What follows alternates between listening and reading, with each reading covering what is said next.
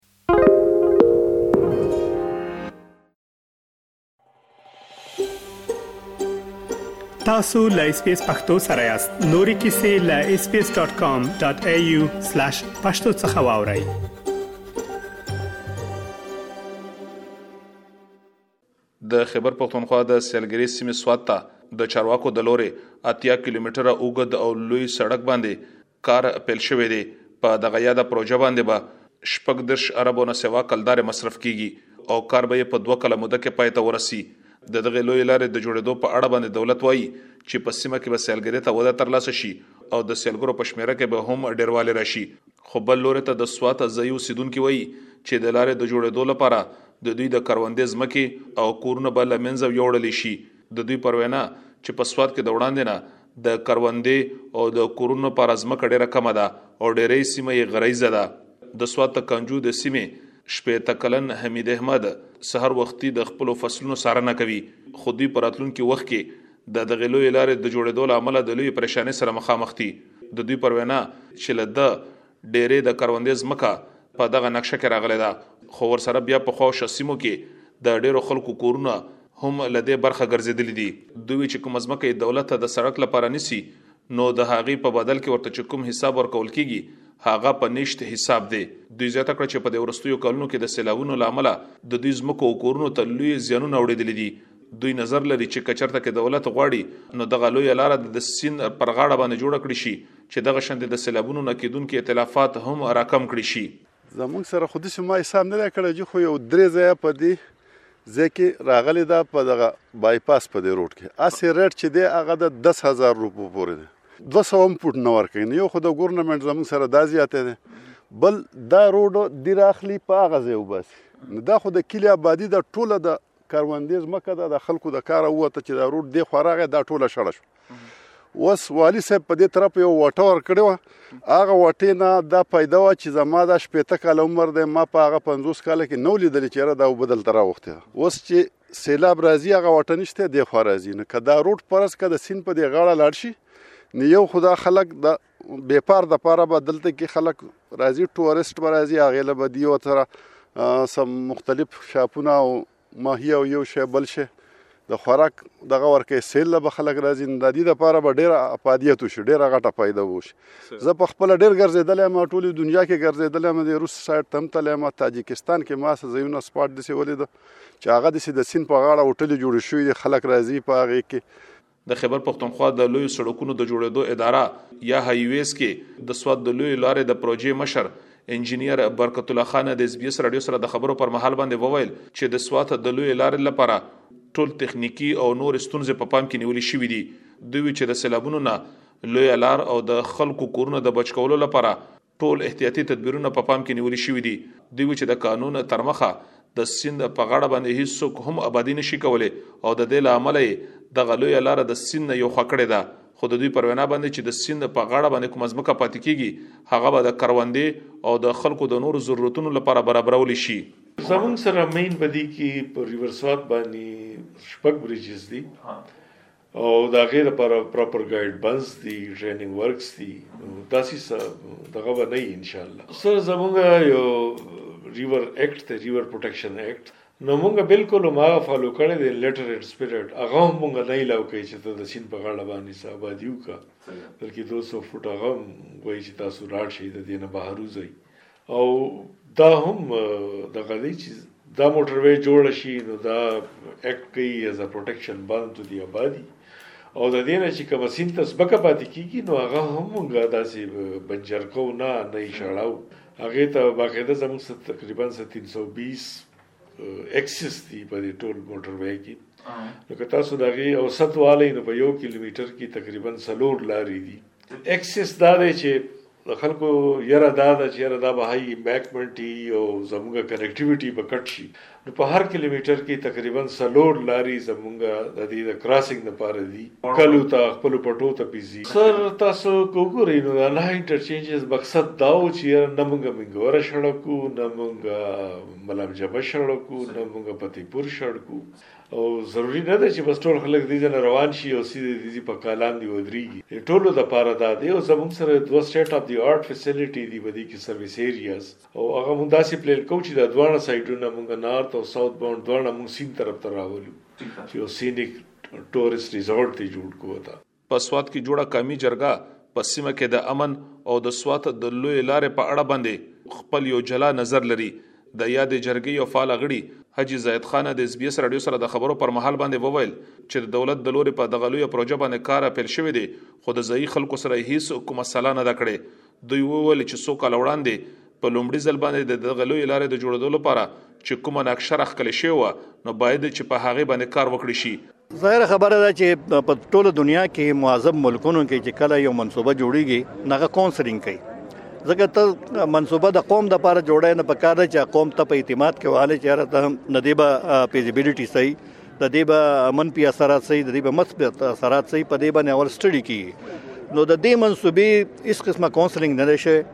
نه د دې ځین ایم پی ایم ان سره صلاح شي نه د قام د مشرانو سره صلاح شي نه د متاثر خلکو سره مت... چې د چاپ ځمکې او باغونه کورونه پدې کې زی دا غو سره صلاح شي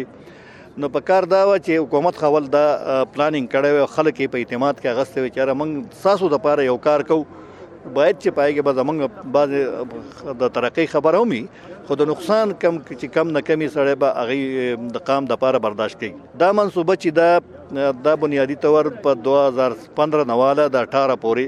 په دې باندې چې کله محمود خان وزیر ایریګیشن نو د په ایریګیشن ډپارټمنټ باندې یو نقشه رخ کړی و چې په هغه کې کنسلټن درې نیم کروڑ روپۍ اغستې دي او هغه نقشه جوړه کړې هغه د سین په غاړه و او په هغه کې صرف درې پلونه و د انټرچین او غیره دا به کې دومره زیات نه وي وس هغه نقشه چې د قوم په د خزانه نه درې نیم کروڑ روپۍ خرچ شوې دي یو بل نقشه جوړیږي چې هغه په ګراوند باندې نه جوړه شي په سټلایټ جوړه شي د په ګوګل باندې په ګوګل ارت باندې هغه جوړه شوې ده نو هغه د سین نه لری بولې ولکه د سین نه لری وری بیا یو چې مونږه د سیلاب نه بچ کو نو بیا خو په کار چې د سین نه تسونه لری بیا امر نورم لری کا خو نه خو بوزه کنه انجنیر برکت الله خان وویل چې لزر کنال زمکه د خلکو اخستل کیږي او په بدل کې له دوی لپاره شل اربه کلدار پنګ بیل کړی شوی دا او د دې قیمت په د مارکیټ مطابق ورکول کیږي دوی وویل چې په سیمه کې د وړو بازارونو او د خلکو د معاشي ستونزو د حل لپاره په دغه لوی لار کې تر شپږو یا تر اوو پورې انټرچینج یا لوی لارې به جوړول شي فیز 2 زمونږ د چکدرې نه سٹارټ کیږي او لیډز اپ ټو چکړی فتح پور دا هم اسی کلومیټر دی په دې کې نهه انټرچینجز دي سټارټ انټرچینج په چکدره کې دی دویم زموږ سره په شموزو دی دریم بریکوټ څلورم زموږ سره تختبند او ډیګرام انګوري والا پنځم کبل دی بیا چارباغ سره د سوات یونیورسټي لپاره بیا شیرپلم کې د مټې او ایډجایننګ ایریا لپاره بیا خوازه خېلې لپاره د خوازه خېلې بای پاس باندې او اخري انټرچینج زمونږ په دې پور کې د دې ټوټل کنسیشن چې موږ ته کوم راغلی دی نو 36.4 بلین دی د 36.4 بلین کې انیشلی صوبه صرف 15 ارب روپۍ ورکړي او لګي وته دا غي چې کوم ډیپټ دی کمرشل ډیپټ دی نو هغه وته ګارانټي کړی دی چې راغي کې به 7.04 بلین به پکې ملاو شي خو چې کوم دا لهر وچلې دو د ګرانۍ دا د کیبور دا فرق راغی بانکونو دا سود زیات شو نو په دې کې یو کنډیشنلی پروینشل ګورنمنت هغه له سپورټ ورکو چې لکه دا مهنګایي هم دغه سی د مټیریل دا کاستونه هم دغه سی چلیږي نو موږ به هغه له یو سافټ لون ورکو 4.3 بلین چې هغه به صوبې ته واپس کیږي او په هغې کې به زموږ چې کوم ریونیو شیر دی نو تقریبا چې اشاریه اټ ارب روپۍ به په هغه مت کې موږ ته زیاتې راکوي د دې خپل اصل زرنا د لاډن ډېری یو کروندګر چې په خپل سلور اکړه ځمکه باندې کرونده کوي اوس یې ډېرې ځمکه په دغه لوی لار کې راغلې ده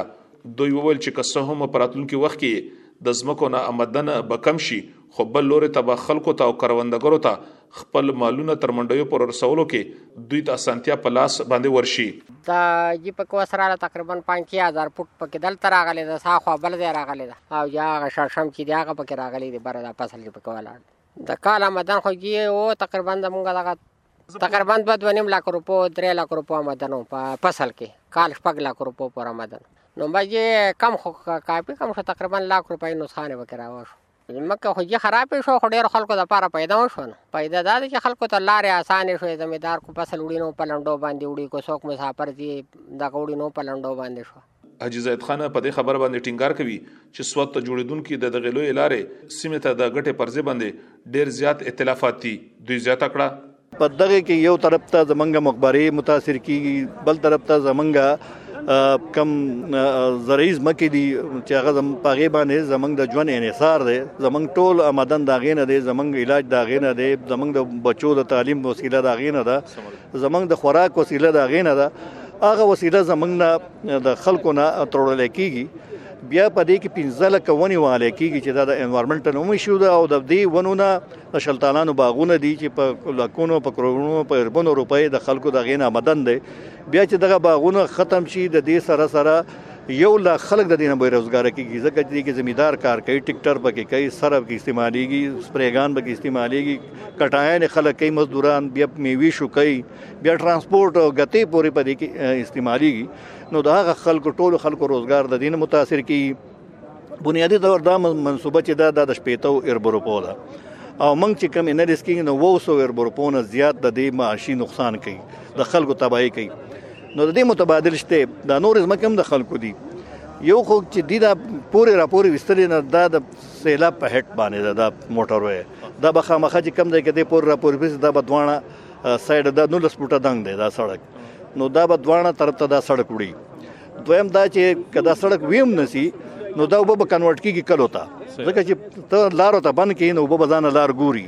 نو د دې نه به دغه سیلاب چې راځي نو دا بیا په دې بقایز مقام ورځي او په دې کم چې دې موټروي شاته کړي پادشي پاغي به ورځي کنورټ کیږي به یو دا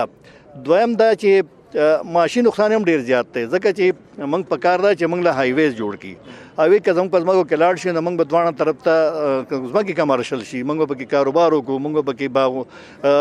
دغه ولګاو هوټلې جوړ کړو موږ به کې پارکونه جوړ کړو موږ به کې مارکیټونه جوړ کړو خدای چې د یو سړی لپاره روډ جوړیږي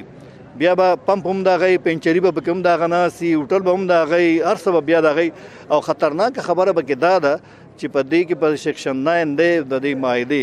چې دې زیټ کې بي کپنې ته څومره ځمکه په کاری کې د ریزارت د پاره د مارکیټ د پاره د هوټل د پاره نو د بل حکومت ورکي نو زمونږ غ نور ځمکه هم په خطر کې دي چې هم زمونږ اغسته کی قسم سواته د چکدرې نتلون کې په 10 کیلومتر لوی لار باندې کار اپیل شوې دي خو د خلکو د لوري اوس هم ډیر مخالفتونه شتون لري تېره ورځ هم د سوات په بېلابېلو سیمو کې خلکو احتجاجي لاریونونه وکړل او د دولت نه یې غوښتنه وکړه چې د دغې لوی لارې په نقشه دې د سر نه بیرته غور وکړي ځکه چې د دوی د کروندې ځمکې او کورونه لمنځه ځي سمو د وړاندې دولت د نوخار د کرنل شیرخان انټرچینج نه اتیا کیلومتره لاره د سوات په لور باندې تر چکدرې پورې اتیا کیلومتره لاره د خلکو د تګ راتګ لپاره پرانستله دولت اوس په پام کې لري چې د دې ځای نه د سوات ته فتح پور پورې اتیا کیلومتره نور لار جوړ کړي دغه شند د چکدرې نه تدیر او دغه شند نورو سیمو ته د تګ راتګ په سنتیو برابرولو باندې هم الله سپور کړی شوې دي خو لا تر اوسه پورې د هغې زی نقشه لا نه ده تیار شوې اسلام ګل افریدي اس بي اس رادیو پیښور